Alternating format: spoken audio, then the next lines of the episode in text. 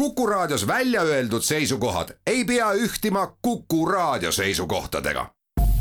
Te kuulate Kuku Raadiot.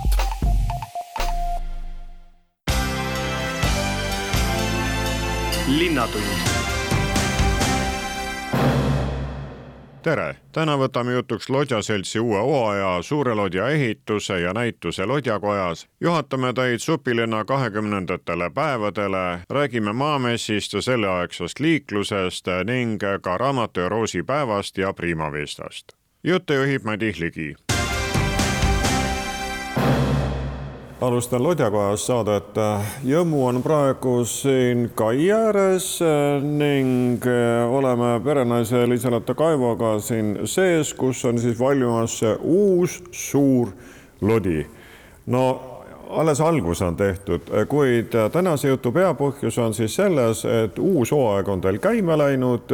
linnulauluretked praegu käivad ja ka muud sõidud. kas rahvas on teid juba üles leidnud ning tulevad nautima kevadist Emajõge? no võib küll nii öelda jah, et hooaeg hakkas suure mürtsuga, et siin oli ju talv viimase hetkeni, eelmine nädal, siis panime Jõmmu vette ja nüüd ei ole, oleme sõitnud nii, et jaba jalad villis otsast. et tegelikult põhiline seltskond, kes meil praegu käib, on, ongi üldsegi koolilaste grupid ju enne koolivaheaega, et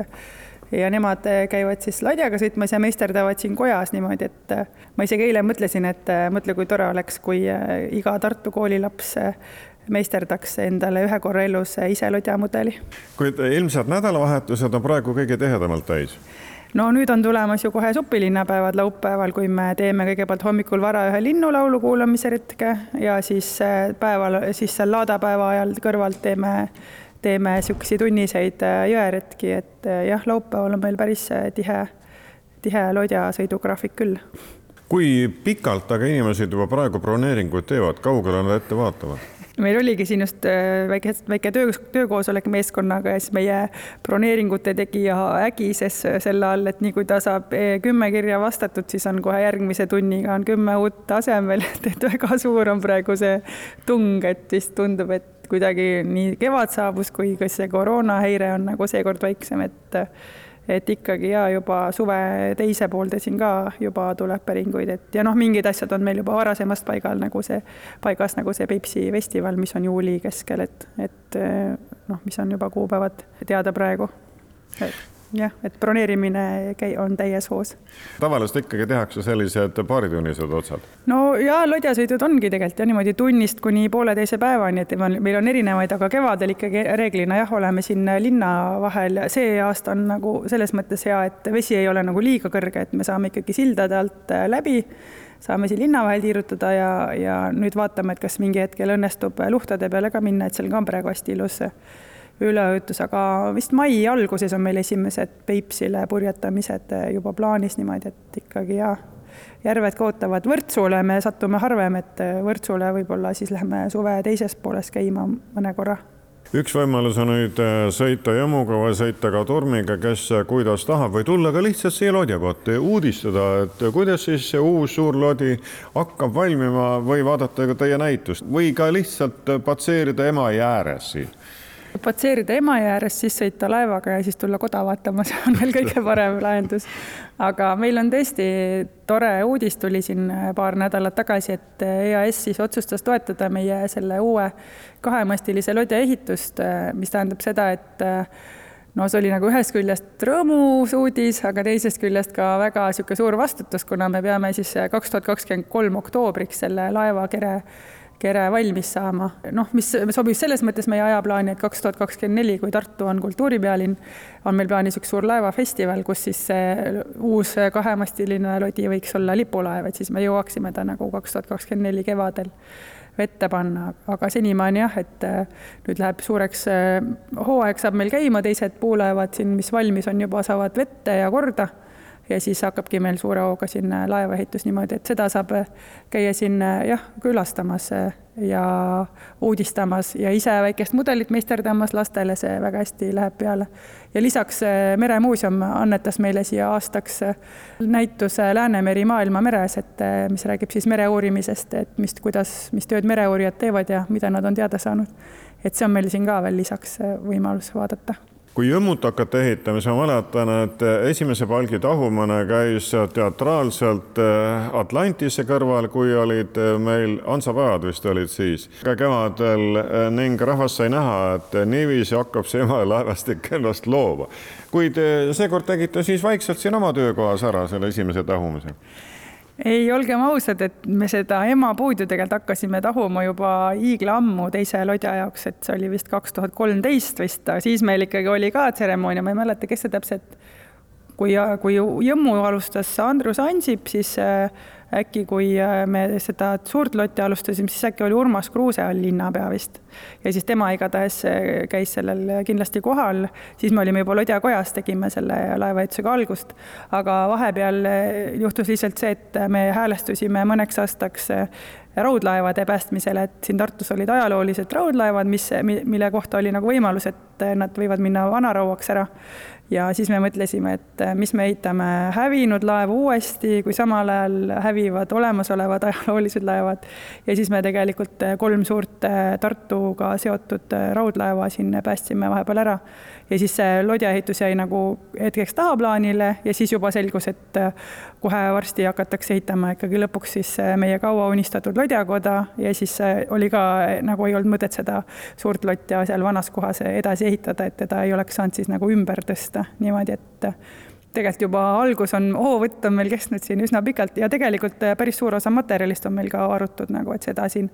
kohapeal praegu näha niimoodi silmaga ei ole, aga see on tegelikult ka päris suur töö, mis laevaehitusega käib kaasas ja RMK-ga koos siis oleme seda siin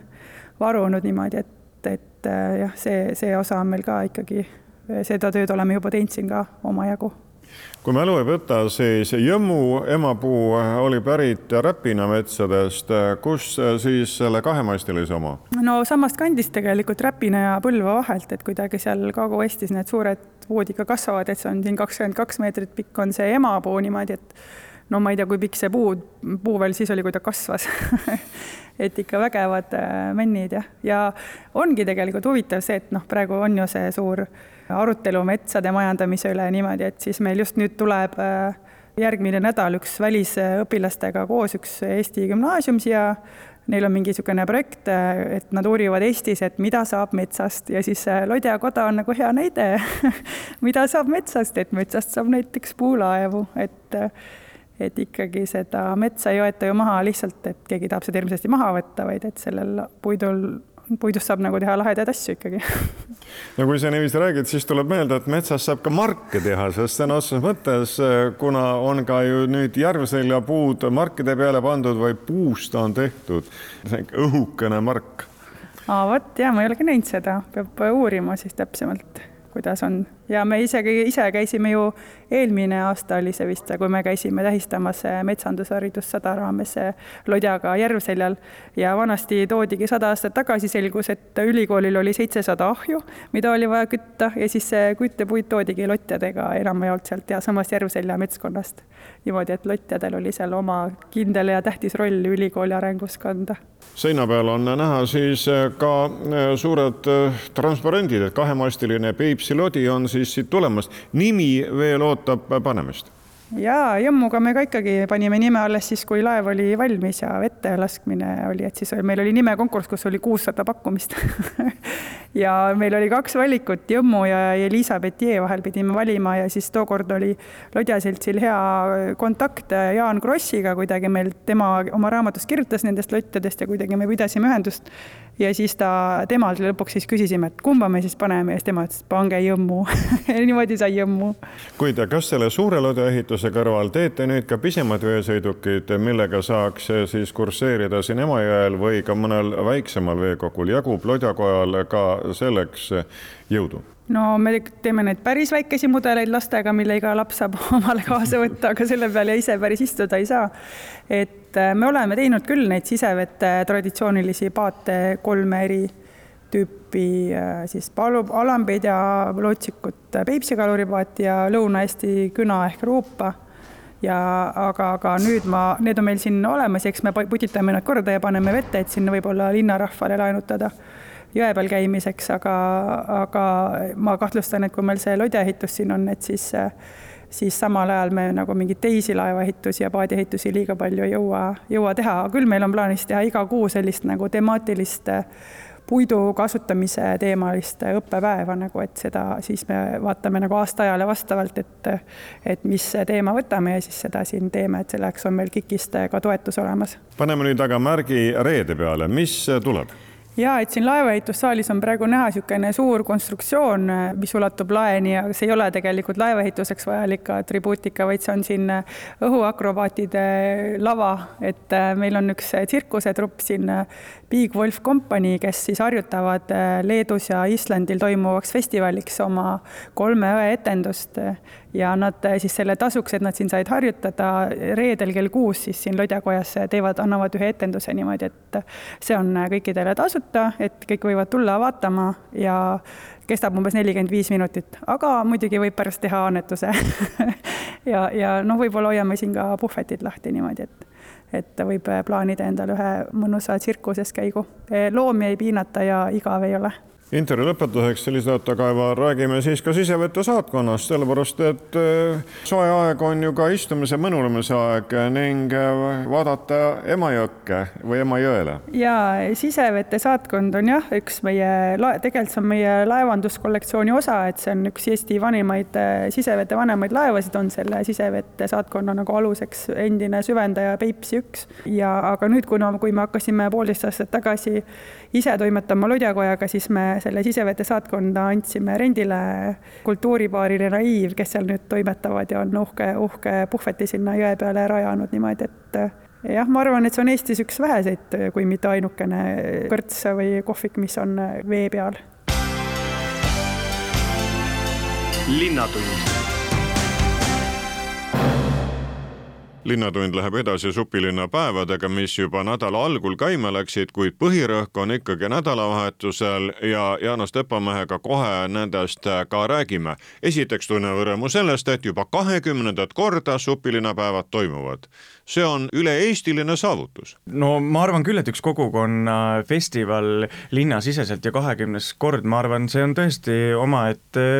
saavutus ja väärtus jah. selle ja seda enam, et nüüd on ka kaks aastat ju arusaadaval erinevatel põhjustel vahele jäänud, seda enam kuidagi me tunneme kogukonnana rõõmu sellest, et lõpuks ometi jälle taaskord, et no mina ise olen üsna värske supilinlane, poolteist aastat seal elanud, aga olen ju ka ikkagi varem ka käinud, nii et rõõm on näha, et, et kogukonnad saavad jälle kuidagi õitsema selle kevadega. no rõõm on ka sellest, et loodus on teie poolt ning ennustatakse ilusat ilma, nii et ei pea muretsema selle pärast, et Emajõgi tuleb üle kallaste, vaid päike sirab, rahvas saab tunda rõõmu käia supilinnas ja nautida mitmesuguseid igasuguseid üritusi, mida? ma võib-olla kohe niimoodi viskaksin õhku reedel kell viis toimub Supilinna tänavakunstituur. Tartu on selles mõttes väga eriline linn, kui me vaatame Eestit tervikuna, eh, siin on erilist maailmatasemel tänavakunsti ja seda võib-olla kohalikud teevad väga vähe ja mul on väga hea meel, et on olemas eh, inimesed, kes seda mm, valdkonda väga hästi tunnevad, nii et nad avavad inimestele siis seda külge Supilinnas, sellist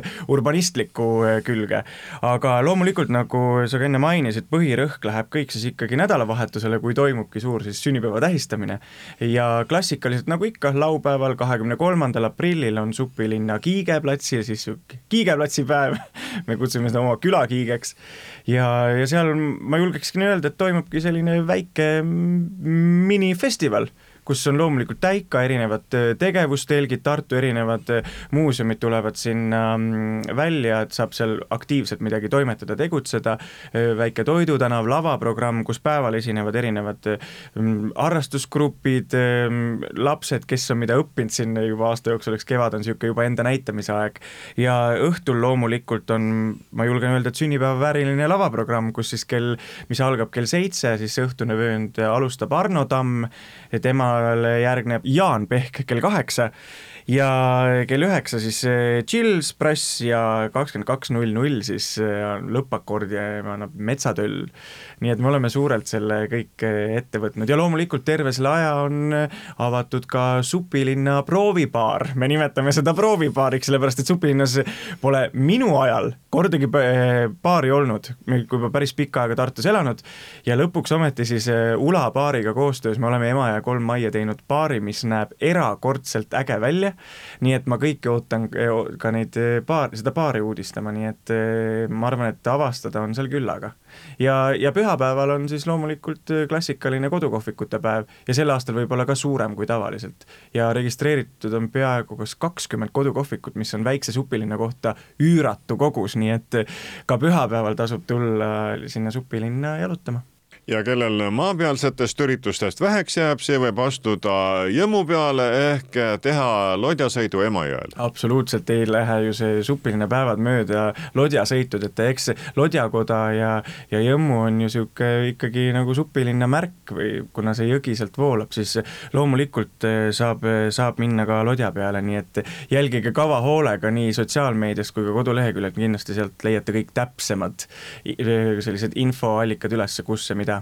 supilinna tasub siis nüüd äh, sel nädala lõpul äh, minna supilinna päevade pärast, kuid seal tasub ka ringi patseerida, sellepärast et äh, need majad, millest ajamas on jagu saanud, on kas päris kadunud, on juba uued sinna asemele ehitatud. lühidalt, supilinn saab järjest uusi asunikke juurde ja ka uusi maju juurde ja selles mõttes on supilinna loom-, nagu kõik eh, muundub, muutub ajaga, käib kaasas ja see on täiesti normaalne, aga supilinna võlu minu meelest siiamaani on see, et mina tajun ka supilinna kui sellise agula, aguliromantika paigana Tartus. ta on selline eh, loodusoaas eh, põhimõtteliselt südalinnas, mis on linna puhul ju väga-väga tavatu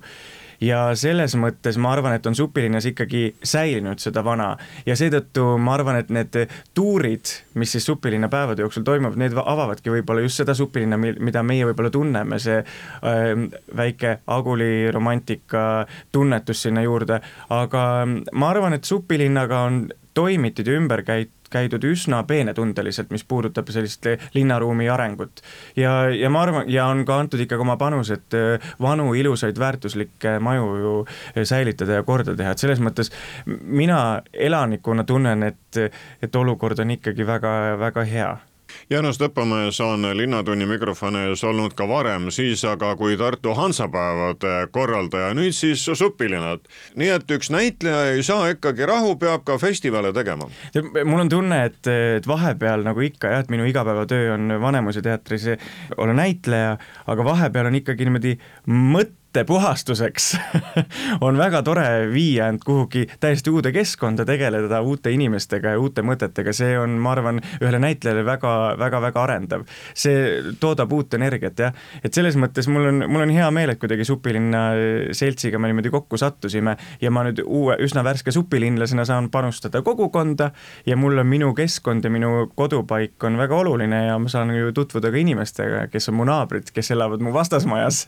et selles mõttes on see mitu kärbest ühe hoobiga, et mul on jah ainult hea meel selle üle, et, et elu pakub selliseid võimalusi ja aeg-ajalt hüpata jälle kuhugi tundmatusse vette on ju, on ju värskendav ja eks näitlejad natuke otsivad ka neid kohti, et kus kohas jälle saab natukene ebamugavust tunda, et natuke areneda. no üks on see, et rahva ette tulla, Jaanus, ja inimestega suhelda, saada niiviisi tagasisidet ja uut energiat ja elust rohkem rõõmu tunda, kuid teine, kas siis Supilinna teater või mõni trupikene grupikene juba loob äh, ning idu tuleb, nagu kevadest sõna kasutada. järgmistel supilinna päevadel näiteks astub üles ka supilinna teatritrupp. no ütleme eh, niimoodi, et ma ütlen, kuidas sellele nüüd läheneda, on ähm, lavastusmeeskond läbi linna, kes on ühe projekti juba teinud siin noh, siis kui veel sai normaalselt tegutseda Karlova päevade raames ja nüüd nad on jõudnud siis otsaga supilinna, ehk siis äh, supilinna päevade ajal seab ennast Emajõe kolm siis supilinna baari kõrvale üles üks siis lavastusmeeskonna läbi linna siis kohvikulaud, ütleme niimoodi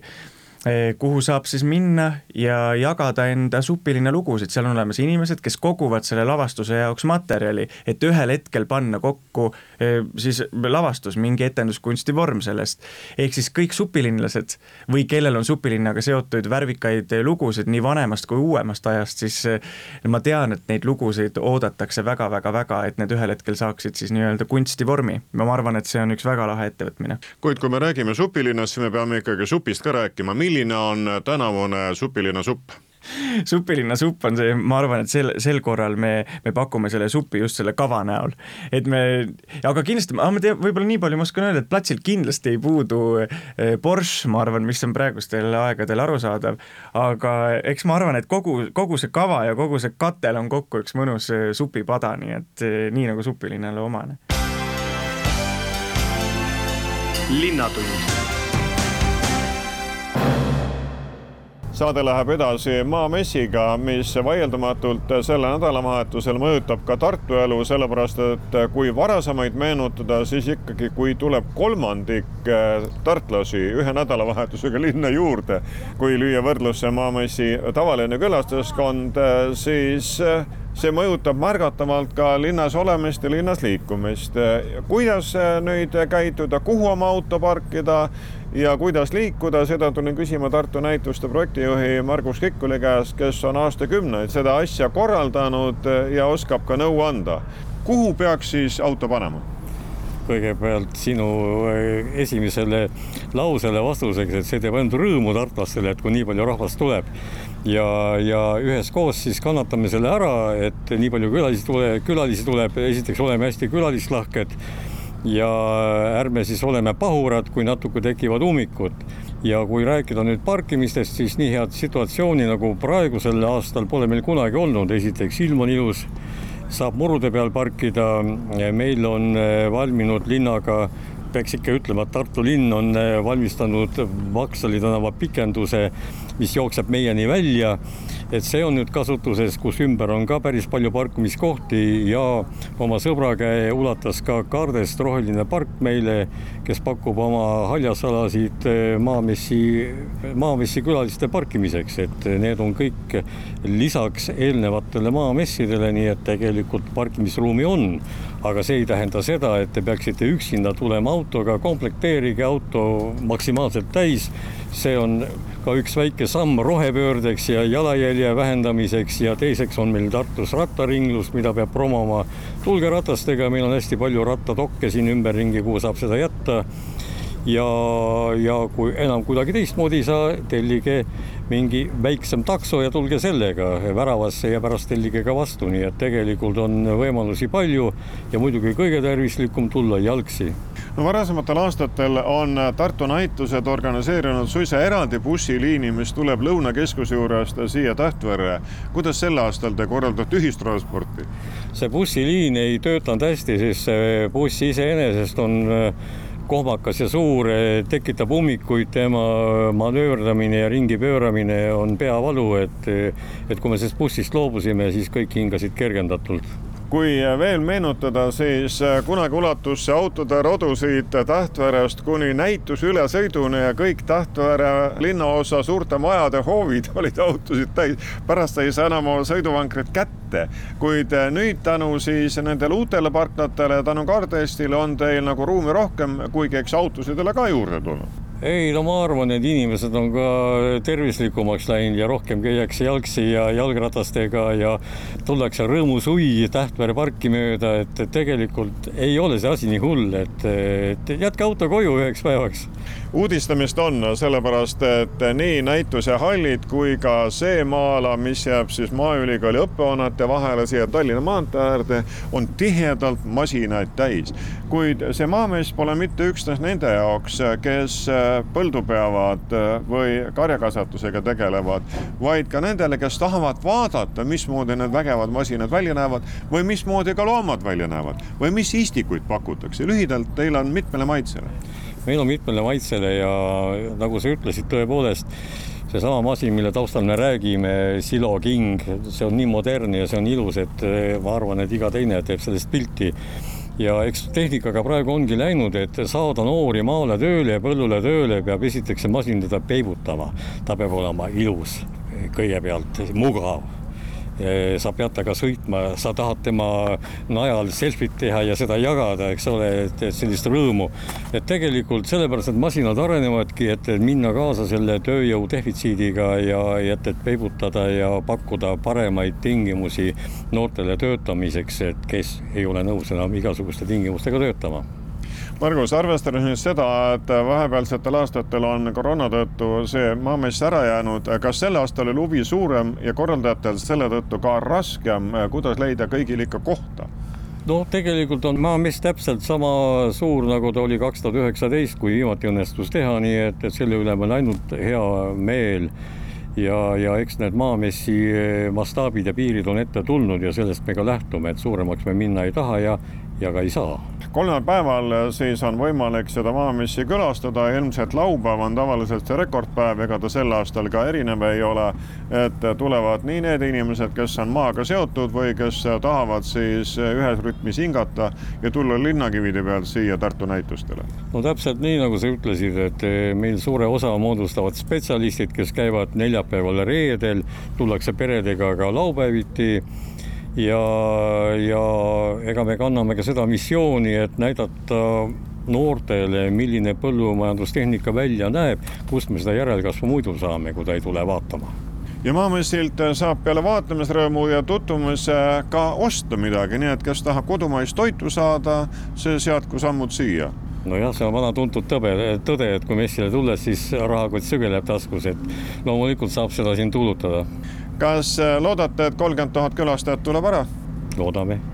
see on ju tavaline nendel viimastel aastatel olnud, mis viimane jääb jah paari aasta taha või kolme aasta taha. see on tavaline taks, jah nii et äh, kell nädalavahetusel planeerimata, see teadku, et äh, Maamees kestab ka veel laupäeval. hommikul kella üheksast peale. kommunikatsioonijuht Hendrik Urbal, kui nüüd Maameest läbi saab, mis on järgmine, mis Tartu näitustel tuleb?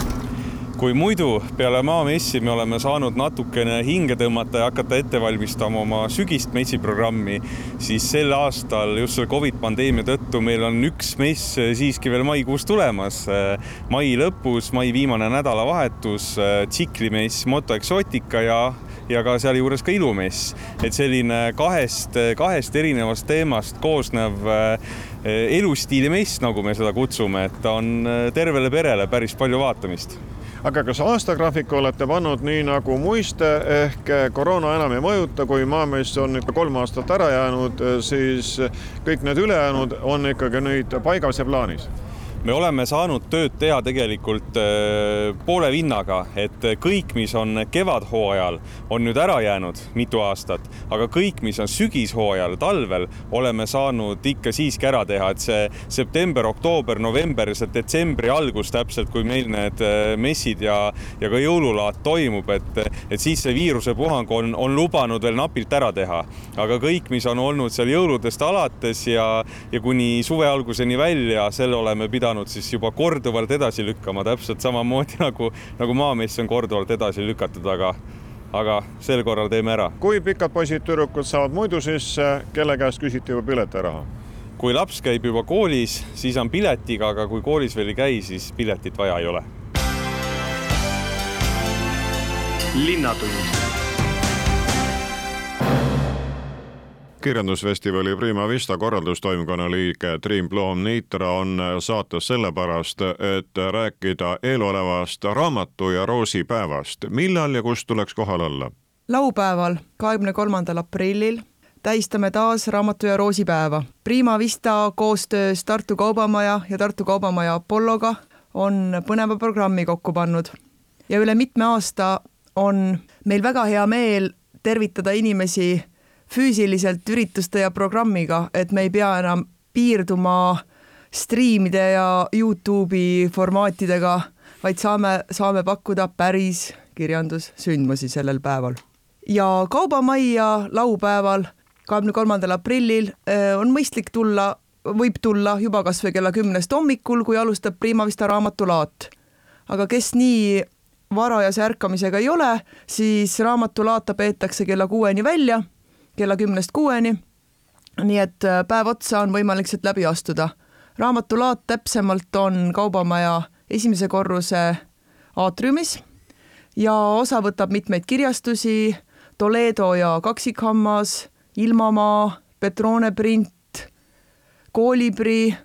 kindlasti on neid veel lisandunud praeguseks varasematel kevadetel on raamatuid olnud võimalik Tartus osta peale traditsiooniliste paikade veel ka suurtest müügitelkidest, olgu siis Poe tänava ääres või ka ülikooli raamatukogu ees. nüüd siis seoses raamatu roosipäevaga Kaubamajast. raamatu ja roosipäeva puhul Kaubamajas on see raamatulaat, mida siiani on pigem ülikooli raamatukogus peetud või ka seal ees, aga nüüd laupäevasel päeval ülikooli raamatukogu laada korraldajad mõtlesid, et paneksime seekord Kaubamaja ja Apollo poega seljad kokku ja, ja teeksime Kaubamajas raamatu roosipäeva raamatulaada. Prima Vista festivali raamatulaat, see toimub ikka eraldi veel festivali kontekstis ja Raekoja platsis. kuid igal juhul siis sellel laupäeval kõik äh, raamatusõbrad saavad äh, kaeda raamatuid, saavad omavahel suhelda, saavad müüjatega rääkida ja soetada endale uut lugemisvara. jaa ja Pollo raamatupoes Kaubamajas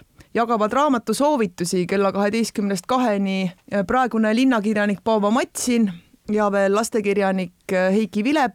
ning sellel päeval, kes Roosi kaubamaja Apollo raamatupoe müüjale kingib, saab tasuta valida vastukingiks ühe sel päeval pakutavatest raamatutest Neid on küllap piiratud koguses, aga no ma usun, et üsna mitmeteks tundideks jagub. ja kell kaks jätkub äh, programm samuti Apollo raamatupoes Prima Vista ja Tartu Kultuurkapitali ühise kirjanduspreemia esimene samm üleandmisega. Sellel aastal oli sellele preemiale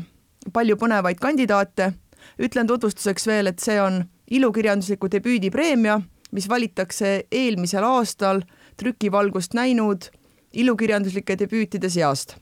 ja tavaliselt äh, on siis äh, laureaat tulnud äh, Loomingu, Vikerkaare, Värske Rõhu või Müürilehe debütantide seast ja nii vastavate väljaannete toimetajad kui ka autorid ise on võinud oma kandidatuuri esitada. meil on kaheksateist või üheksateist autorit olnud seal, kelle, kelle hulgast valime